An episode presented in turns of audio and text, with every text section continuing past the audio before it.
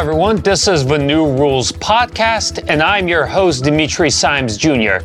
Today, we have another super episode on the Ukraine conflict, and I'm very pleased to welcome our guests, who are two longtime friends of the program. Today, we have Larry Johnson, former CIA and State Department analyst, and Andrei Martyanov, geopolitical and military analyst. Gentlemen, thank you so much for coming on the program. Thank you. My pleasure. So, we're filming this episode shortly after the fall of Avdiivka, one of Ukraine's strongest fortresses in the Donbass. And at the same time, we're seeing reports that Russian forces are pushing on different points along the front line. So, I want to address this question to both of you, but let me start with Larry. If you're Zelensky, how concerned are you by the current situation? He better be looking for his retirement property. Apparently, he's bought several of them. He'll be lucky, I think, to get to them. The, what happened in Avdiivka was in part a reflection of the chaos that's at the top of the political leadership and military leadership uh, back in Kiev. Uh, you've got this battle that was underway between Zaluzh, General Zaluzhny was uh, against Zelensky, and uh, Zaluzhny's far more popular uh, than Zelensky. You have Zelensky uh, refusing to hold elections, declaring that it's basically martial martial law,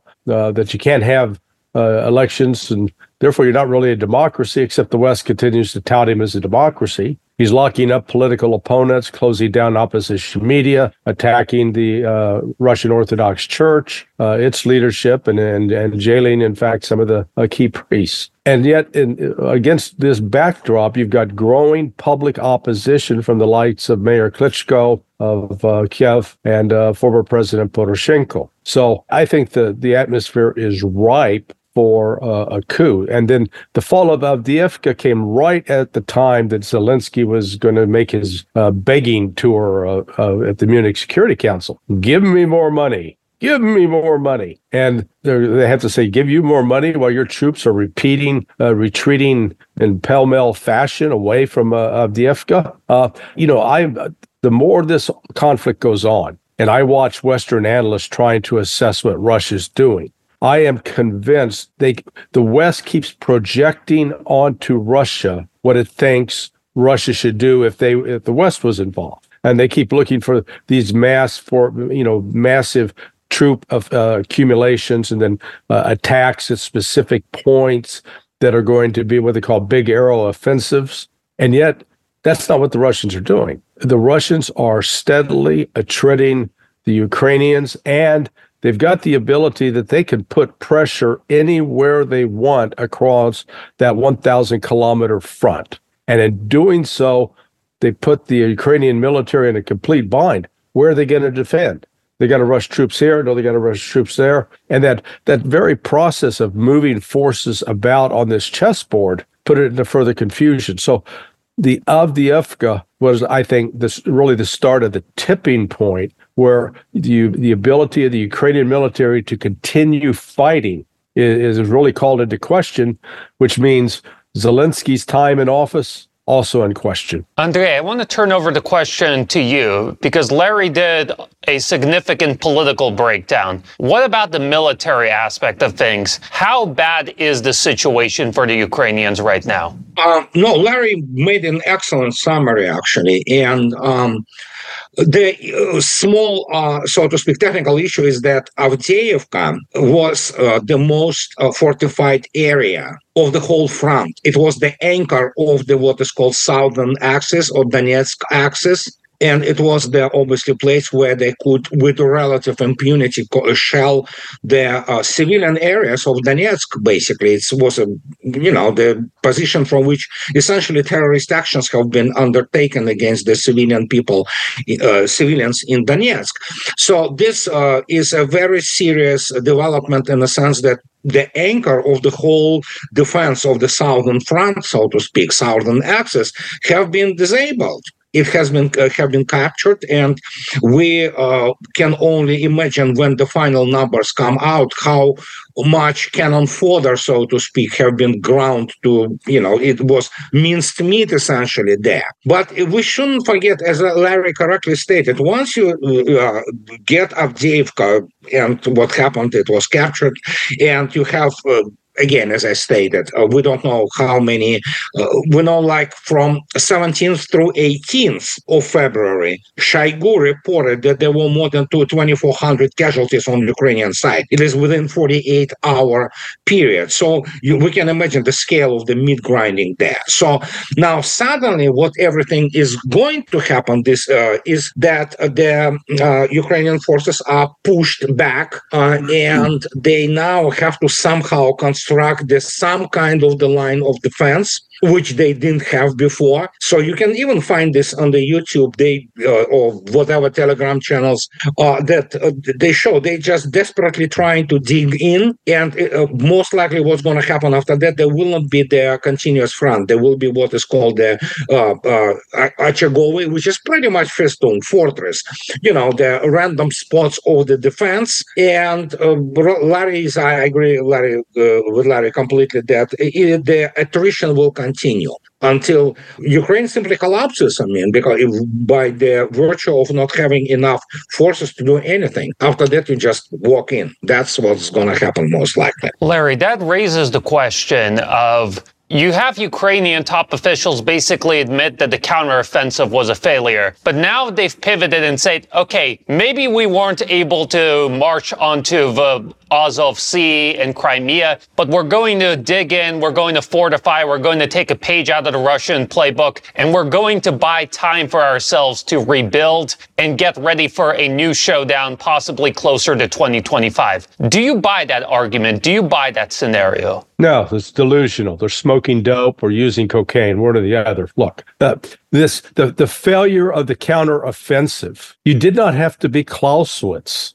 or Sun Tzu to know in advance that it was not going to succeed. One very simple reason lack of combat air. Ukraine has no combat air. And then when you add into that uh, Ukraine's meager and now almost non existent air defense, that meant that Russia had full force to apply against advancing Ukrainian units, in addition to laying out minefields, in addition to having entrenched positions with anti-tank guided missiles and artillery, with a with a, a decisive advantage in long-range fires. So, okay, Ukraine's going to dig in with what? Their manpower is they're scraping the bottom of the barrel. The average age of a soldier is 43 and, and higher. And you know, most Americans are terrible at math, but uh, you know, the Russians have a, ma- a, reputation for being good at math. So you understand if that's if 43 is your average age, that means you got a lot of guys that are in their 50s and 60s up there on the front lines too. Most of them are not in great physical shape to be able to sustain combat. So, well, okay, let's let's just recruit some more. Okay, let's assume you can recruit them. If they're going to be adequately trained to operate in a combat environment, you're looking at a minimum of nine months of training, minimum. They don't have nine months of training. You know, that let's just assume if they start now, okay, maybe by next December they might have assembled some some personnel that could be marginally, and I emphasize marginally competent in a battlefield environment because they will not have been trained in a way that they had actual experience. Where are you going to do the training?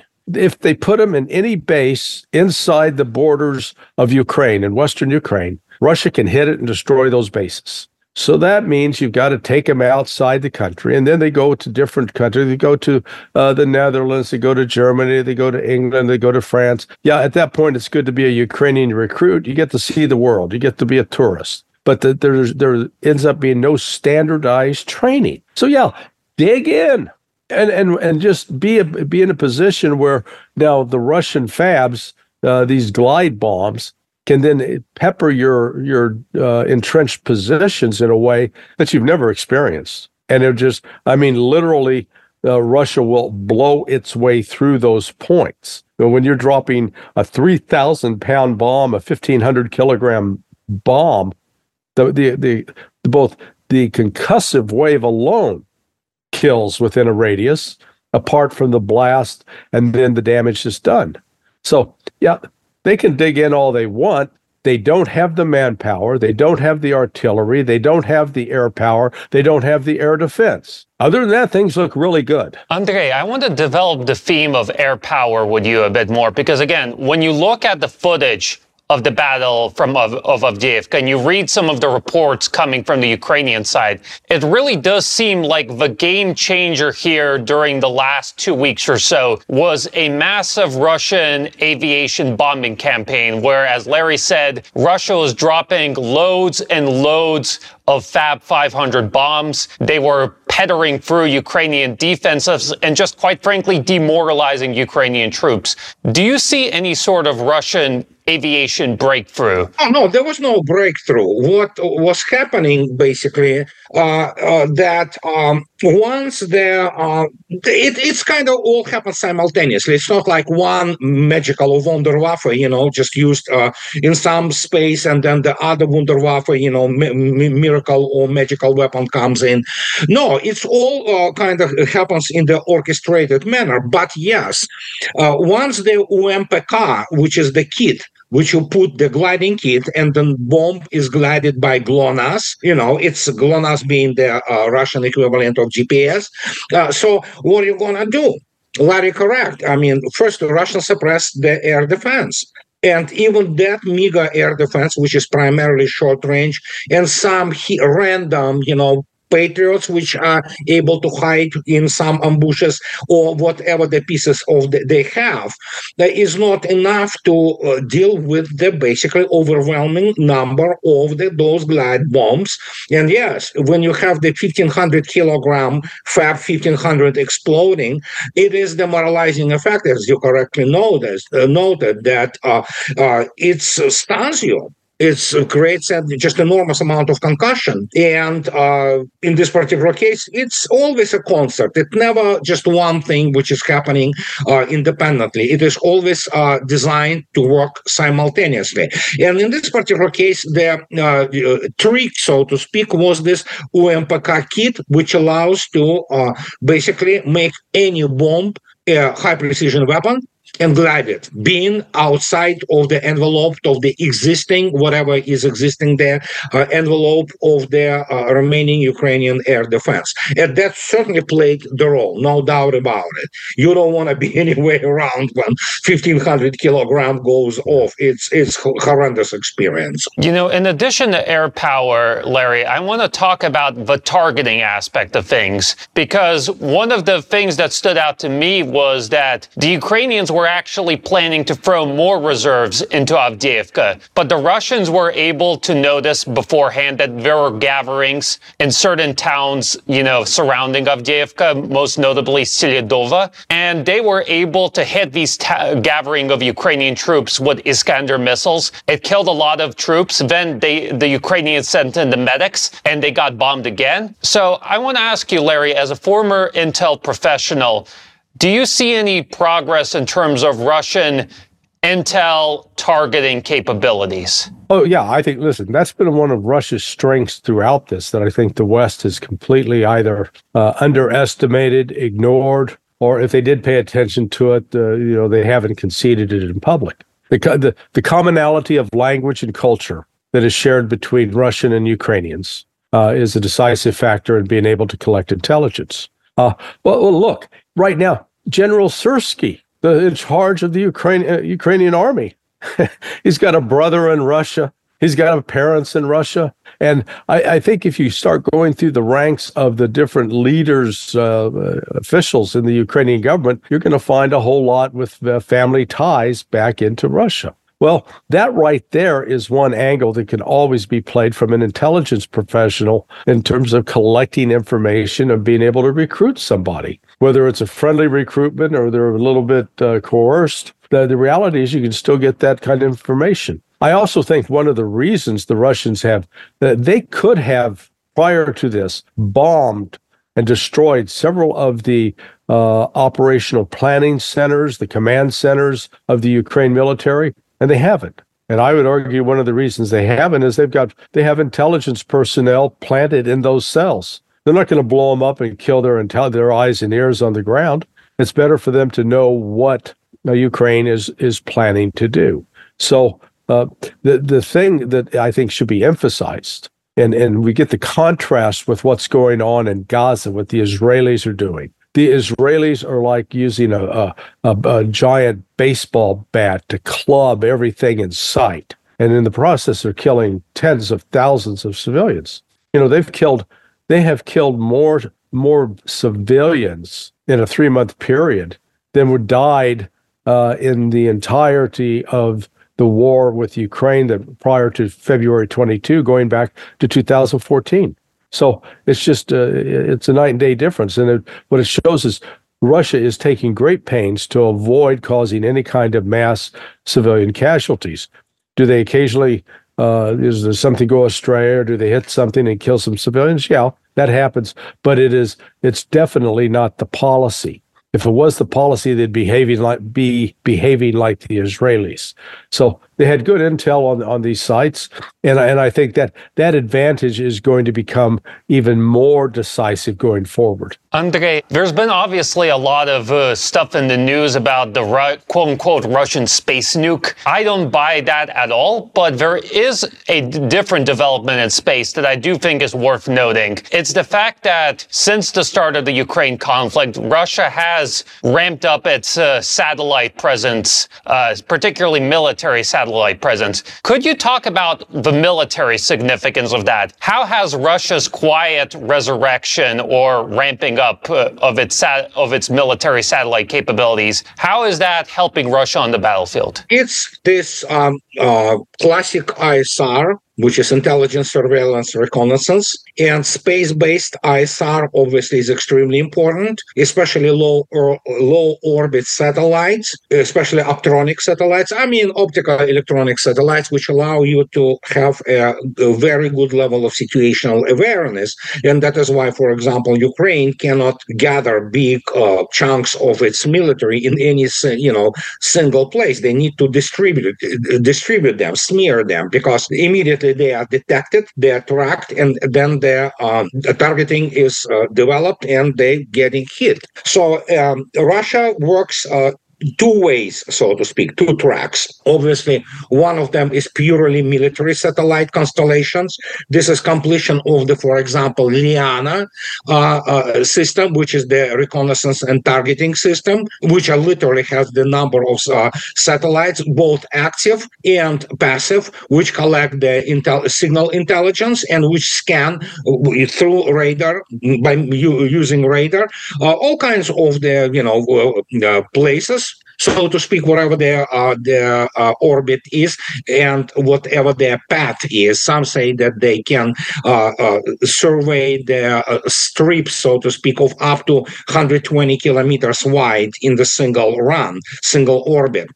So, and then there is obviously the program which is called Sphere, Sfera. You probably heard about it. It's uh, Russians doing this, creating this civilian, well, which is in reality dual purpose also constellation of the satellites, including uh, small satellites, which is called mini satellites, and uh, uh, it should reach from what you can correct me, but I'm taking it from the top of my head. I believe already by the end of this year there should be something like 300 something plus satellites put in the orbit of this dual uh, dual use. So obviously there are space-based, uh, you know, satellites and constellations which which work in, in support of the you know intelligence, surveillance, and reconnaissance is extremely important. And when you combine it with, as Larry said, you know, human intelligence, you get this, you know, essentially data fusion, which allows you with a very high degree of uh, probability and accuracy yeah. to detect the places which you can bomb essentially, or you know, launch missiles at.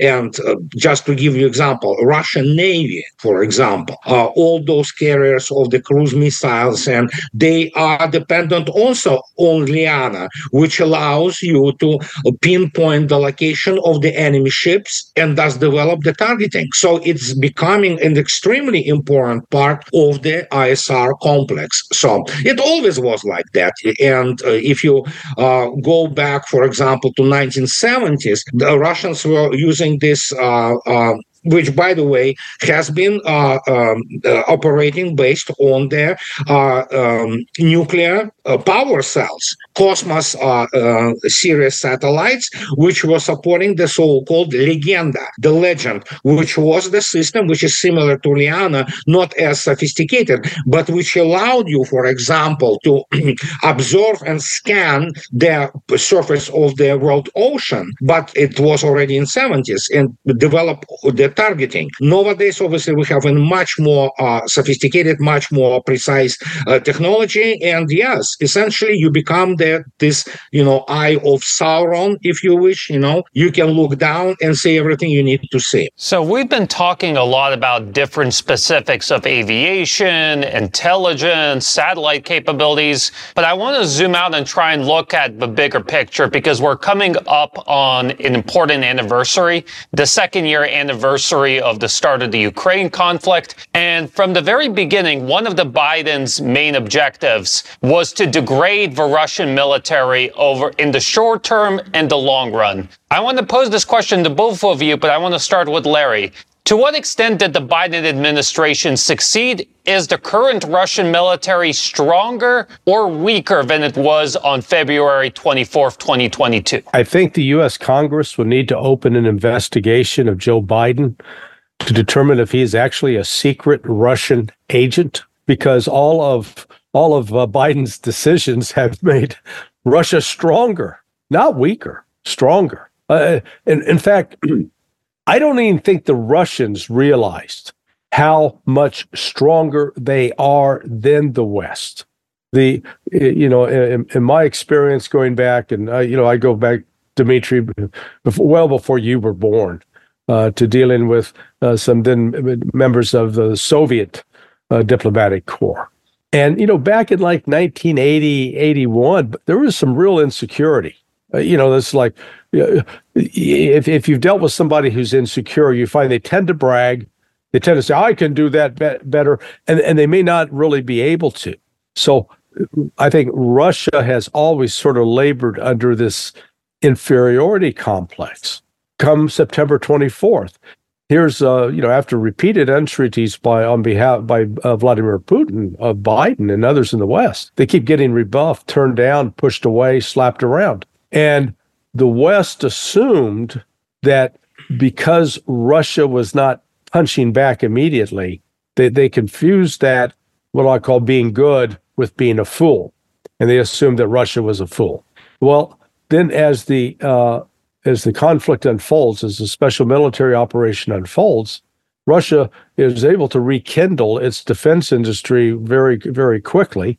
It may be the only shortcoming is uh, a lack of uh, labor, but that could be remedied by bringing in some uh, foreign workers from places like uh, North Korea or other places.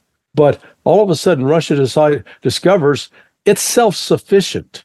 It doesn't have to depend upon anything from the United States or from China for that matter in order to produce all of the weapons, armaments that it has. And so then then there is the the laughable. Uh, the West continues to peddle the story about oh the Russian military. Well, one, their generals are incompetent.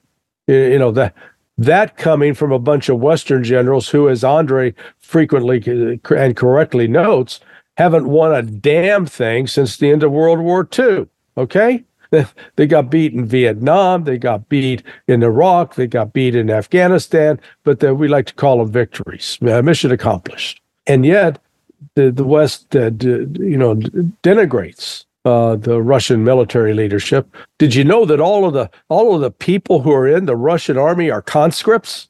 They were dragged kicking and screaming out of prison.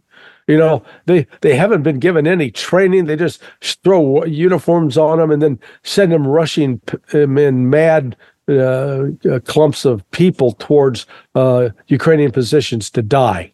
You're, you're getting all this misinformation, this garbage. And meanwhile, the reality for Russia is they're recruiting over 41,000 people a month, and that's not, they're not having to send guys out with truncheons and, and, and armored cars to try to drag people off the street. So uh, in 2023, they, they recruited another 500,000 soldiers. That on top of the 300, 350,000 that came in in 2022. And that is added to what was the existing amount. So Russia's able to actually train and deploy uh, competent soldiers. Here, meanwhile, the West, their focus, if you're an officer, you have to uh, take classes on proper use of pronouns. He, she, it, they, uh, you know, what, you know, whatever you want to call it encouraging the purple hair wearing guys can have babies mentality. And and surprisingly, shockingly, the West is having trouble filling its ranks with conservative Caucasian guys, a lot from the South, because they don't want to be part of that mess. They, they usually guys who join up in the military because they wanted a chance to serve, to be challenged, and, and to think that they were fighting for something not for this woke political nonsense. So here we are now, two years later. Russia's defense industry outpaces the West. If you, the United States and Europe to combine cannot produce enough artillery shells to sustain more than two weeks of combat if they were in full fledged combat with Russia. They can't do it. The tanks, they're not producing tanks. The tank factories were shut down. They may be able to churn out a Bradley or two here and there. So uh, across the board, their entire lo- the logistics base that would be required to sustain that kind of fight, the West doesn't have. Russia does. And the, so it's the combination of Russia with a clear strategic vision about what it's fighting for and what it's trying to accomplish. And all the West can do is uh, sit on the sidelines and, you know, throw insults at uh, Vladimir Putin and and whine about how bad uh, the Russian army is. And oh, let me not forget, Russia's technology is so backwards that they're having to scavenge computer chips from washing machines and refrigerators just to fire up those Iskander missiles. Oh, that the West doesn't have. Okay, Russia has hypersonics, the West doesn't, but the West is superior. That's my rant. I want to remind our audience members that you are watching and listening to the New Rules podcast. I'm your host, Dimitri Simes Jr., and our guest today are Larry Johnson and Andrei Martyanov. Andrei, in your view, which version of the Russian army is stronger, the current version or the one that existed prior to February 24th, 2022? Oh, current version, undeniably. It's um, and uh, Larry made a very good review of actually the whole situation. But I want to add only one thing that, and uh, we've been talking about it between us, including, for example, with my uh, Russian audience when we speak, for example, at Politvera, and uh, and uh, the point is Gerasimov and his general staff they are really satisfied with the pace of their uh, combat because they are shaping army not to fight Ukraine. They are shaping army for the next 25 years, which can meet any challenge of any enemies combined and win. And in this yeah. particular case, it's a process, but it's uh, basically now we're talking about this, and this is not even my um, my uh, uh, words. I believe Mr. Trump today stated that Russia has become a war machine, and this is exactly what happened because obviously one of the of this historic scale miscalculation was the fact that they couldn't even foresee or forecast the actual size of Russian economy and this enormous capability of Russian military industrial complex, which of course rests on the uh, foundation of overall economy. And for them, yeah, because of that, they need to come up with all those idiotic stories about Russians taking their uh, microchips from washing machines and other kitchen devices, you know, and um, this basically well, how to put it politely, as Larry said, yeah, they need to sit on the sides and you know uh, hurl their um, uh, insults at Putin and Russia and Russians. But reality is, operationally, uh, strategically, and tactically and technologically, we observe indeed the paradigm shift in the warfare. And uh, you know what? I've been writing for about this for ten years. That industrial warfare is never went away. It was here always, and this is what it was based upon a massive, uh, uh, huge size of the Russian economy and its industrial component. And uh, we see it now in action. And Russia, well, arguably fields today the best army in the world. And let me just add one, one other thing, get Andre to also uh, comment on it.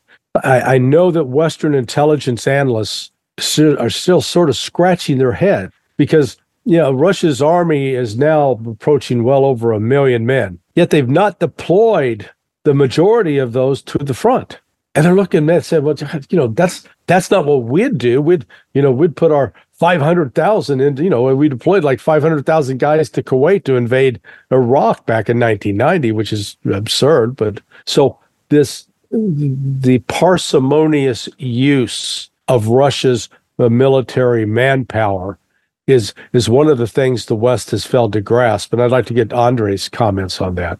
Oh, yeah, they did. And that's why they're shocked when they are told that uh, Russia uses its military potential about 10 to 15%, actually. It's not even in the warm up, it's in a neutral almost, you know, not or first gear, so to speak. And that's exactly the, gets back to the point I was making about Gerasimov and general staff. They are in business now, not just winning the war, which they already won. It's a business of shaping the force, which will be unchallenged for the next 20, 25 years before the new type of the reform comes in, the new technologies arrive. And what happened, they launched this indeed uh, military industrial machine, which now turns out not just quantity. We're looking at the weapon systems, which are just absolutely mind boggling. For example, nobody would think that Tor M2 air defense systems, which is a troop defense systems, is the defense systems which uh, defends actual troops on the march or in their locations.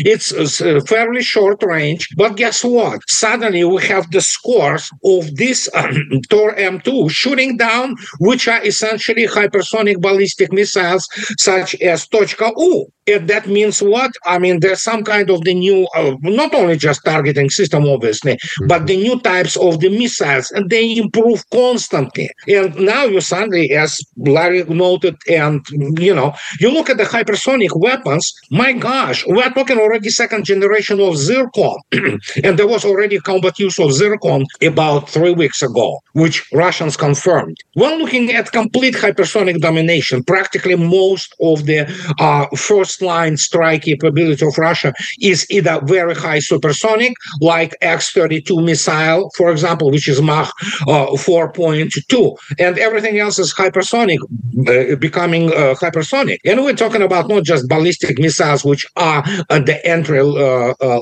um, at the entry, uh, are essentially hypersonic, near Mach 5. We're talking about Kinzhal, which is the next generation, Mach 10 plus. We're talking next generation of Zircon, not Mach 9. Now we're talking about some people say, and again, it's rumor, don't quote me on that, but I think so. It has the good foundation. This rumor, there is Mach 13 plus for Zircon, and if it had the range now 1500 kilometers, next uh, version of Zircon, which is being developed, will have the 2,500 kilometers. What you gonna do? You cannot deploy the Navy even, you know, because you will be completely annihilated. So we're looking at the paradigm shift in the warfare.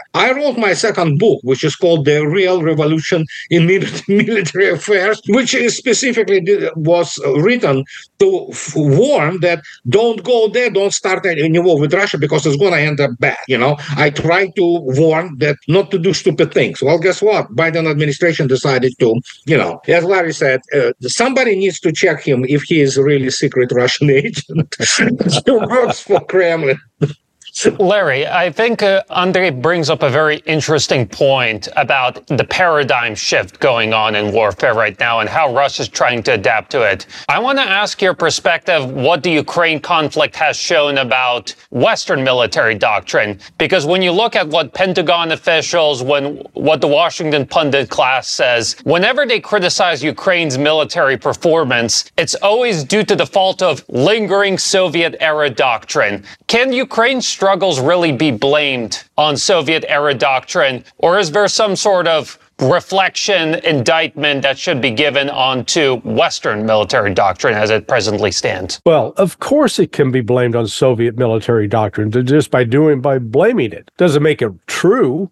Doesn't mean that it has anything to do with reality. Look, the reality of this uh, Ukrainian counteroffensive was it was large. It was planned by the West. This is a Western plan, and what is genuinely shocking to me is that while Western planners, you know, they don't have any historic recent history to fall back on to prove their prowess in launching these kinds of military campaigns, the fact that they ignored completely the role of combat air, the fact that Ukraine had no combat air, and then actually the other thing we really haven't discussed that ought to focus on the enormous and expanding influence of drones uh, in, in, the, in the combat. That is, that is really the a game changer. Uh, uh, is not a game changer. Patriot battery is not a game changer. Drones, that's the game changer. So the West, you know, the West starts with this presumed. They've got arrogant. They're arrogant. Is the best way I can say it.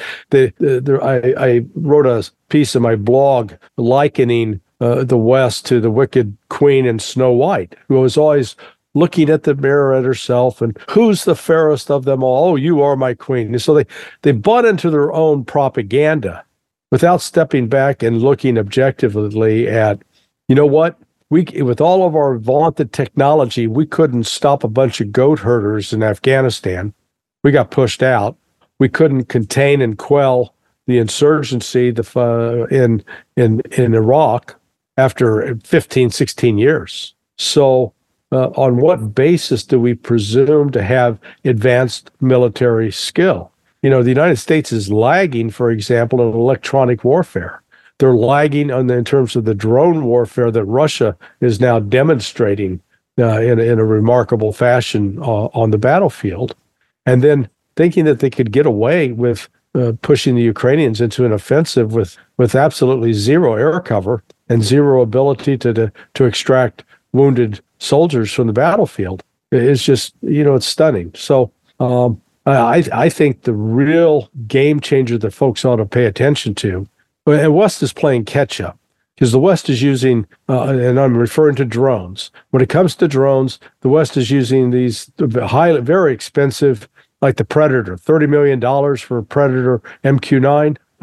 Houthis have shot down two of those in the last four weeks. So, you know, there there goes six, and they've done it with $10,000 missiles. So, the, you know, the cost benefit for the Houthis is pretty significant. But but what you demonstrate now, when you can turn out all of these drones, which can do a combination of provide instant feedback about who's where doing what on the battlefield, and then to bring in another drone which has the ability to attack and destroy, all of a sudden, you know, you're not in the same situation you were with having to send troops to attack a defended outpost.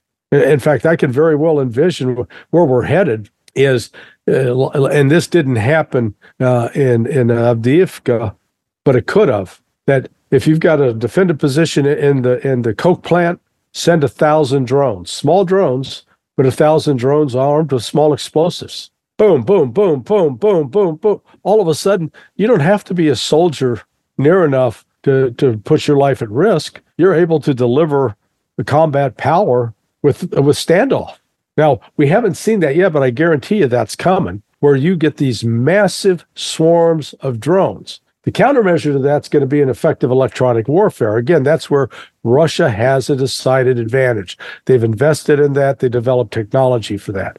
West has not. So uh, this that's been, I think, the real revelation out of this special military operation over the last two years: the primacy of drones. Andre, how prepared is the U.S. military and other NATO militaries to adapt to the drone revolution that Larry's talking about? Not very prepared, honestly, and it's not just drones. Yes. Uh, what happened, and again, uh, Russia is uh, fielding now longer range drones and the swarm drones. Obviously, United States can, for example, produce some drones and develop the uh, swarming tactics, uh, for example.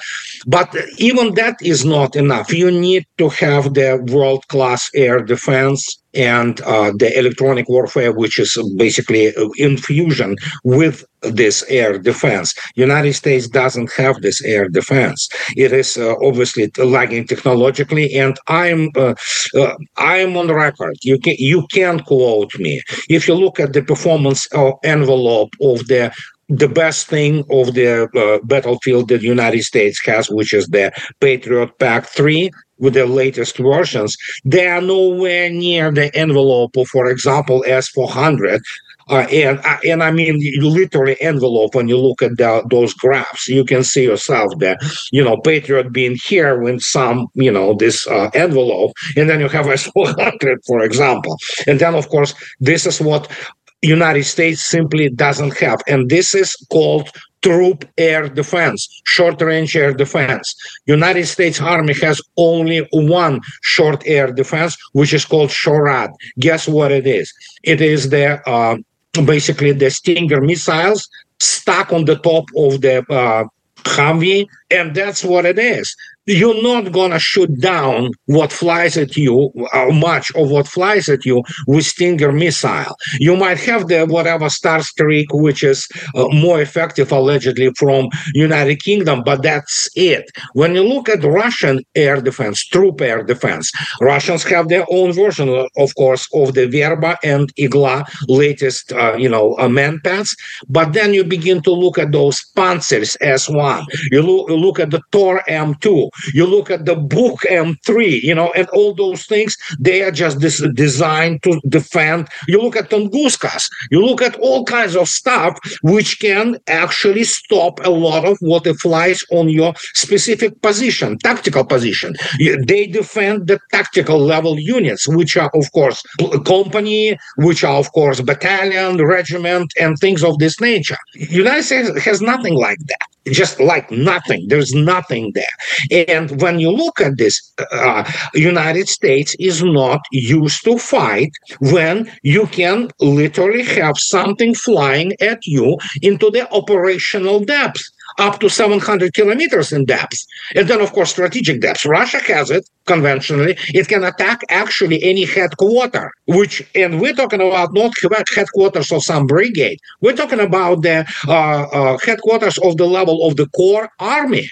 And what are you going to do? The uh, Joint Force Quarterly, I think, wrote in the in the autumn uh, issue of their magazine in uh, in autumn uh, 2023 they wrote that you know what? You cannot now have the fixed headquarters.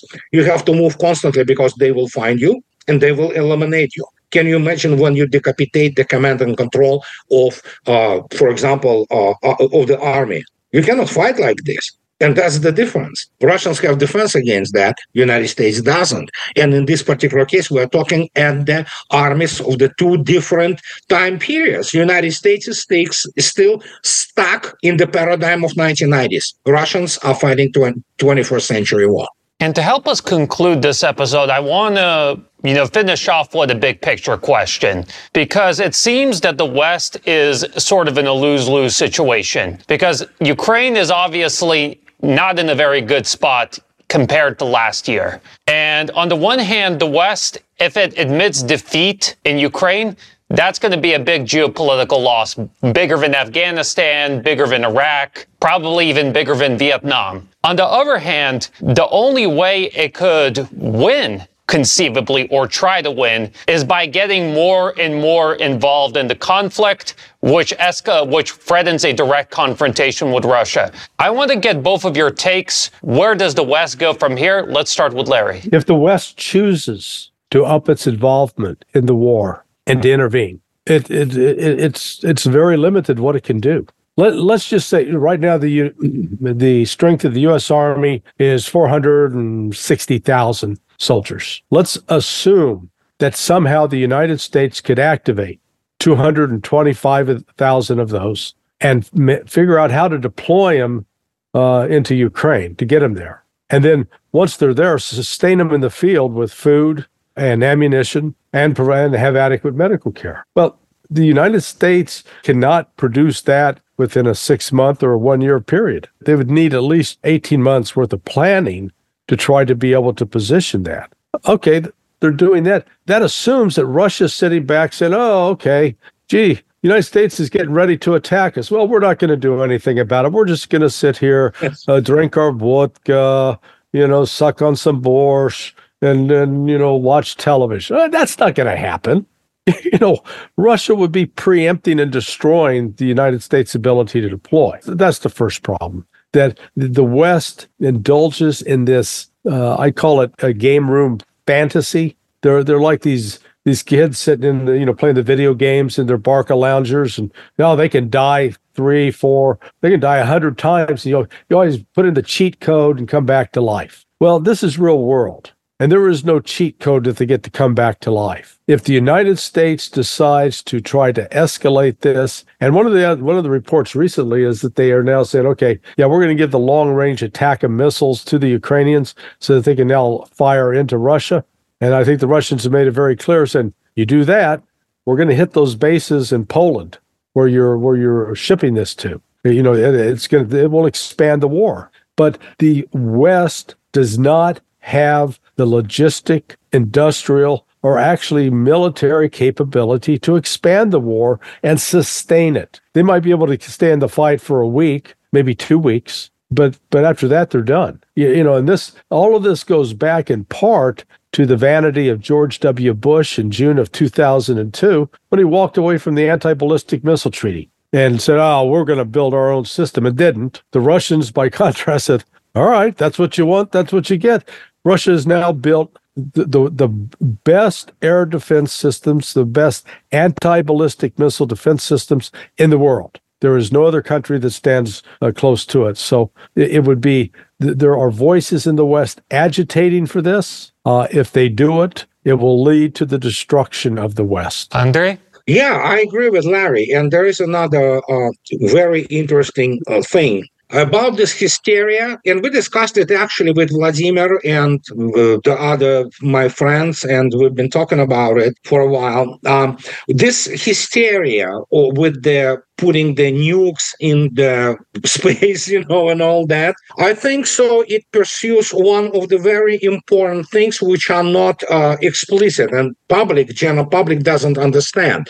One of the key things about this hysteria was that uh, Sullivan and other people from Biden administration started to state that, oh, we need to contact Russians immediately about that. You know, we need to discuss this immediately. I think it is a cover for the resumption of some kind of the contacts under the guise of this concern about those nukes that okay let's talk about these nukes uh, for a day. Okay and the next two weeks let's talk about how we're gonna save our face. And mr putin with the interview with tucker carlson speaks openly about it when he says it is about it is completely up to the west to decide how they want it to end and how they want to save the face until it's too late. So basically what putin was saying uh, you know what? You're still gonna uh, abide by what we want but at least we will may allow you some saving face you know uh, dignity. That's what he used to exit it with some dignity left. If not, then yes, we're looking at the geopolitical catastrophe for the West, much larger than Vietnam. And uh, it's going to be all those lost wars on steroids, basically. And that will uh, bring about the serious political change. It's already happening in some respect, now, uh, serious geopolitical change within the West. So, which already is hurting. We know that the combined West right now is circling the drain pretty much. And whatever the consequences of this will be, we can only speculate. But uh, I agree with Larry too. I mean, those people who are not completely nut jobs and there are still some common sense people left on the middle level of planning, for example. And even the fact that Milley stated to, uh, yeah, uh, to his counterpart in China that we will warn, you know, that make sure that nothing goes out of control is one of indications that they understand they ran themselves into the corner. They need to do something and they cannot escalate without being openly defeated with the catastrophic consequences for the West. And it, it's already catastrophe as it is, but that would be absolutely dramatic. And, you know, the exposure of this catastrophe can bring about the downfall of the whole political system of the combined West, certainly in Europe. You just watched and listened to the New Rules podcast. I'm your host, Dimitri Simes Jr., and our guests today were Larry Johnson and Andrei Martyanov. If you want to keep up with our work, check us out on Rumble and X. Please like and follow us there. It'll really help get our message out there. Thank you all for tuning in. Till next time.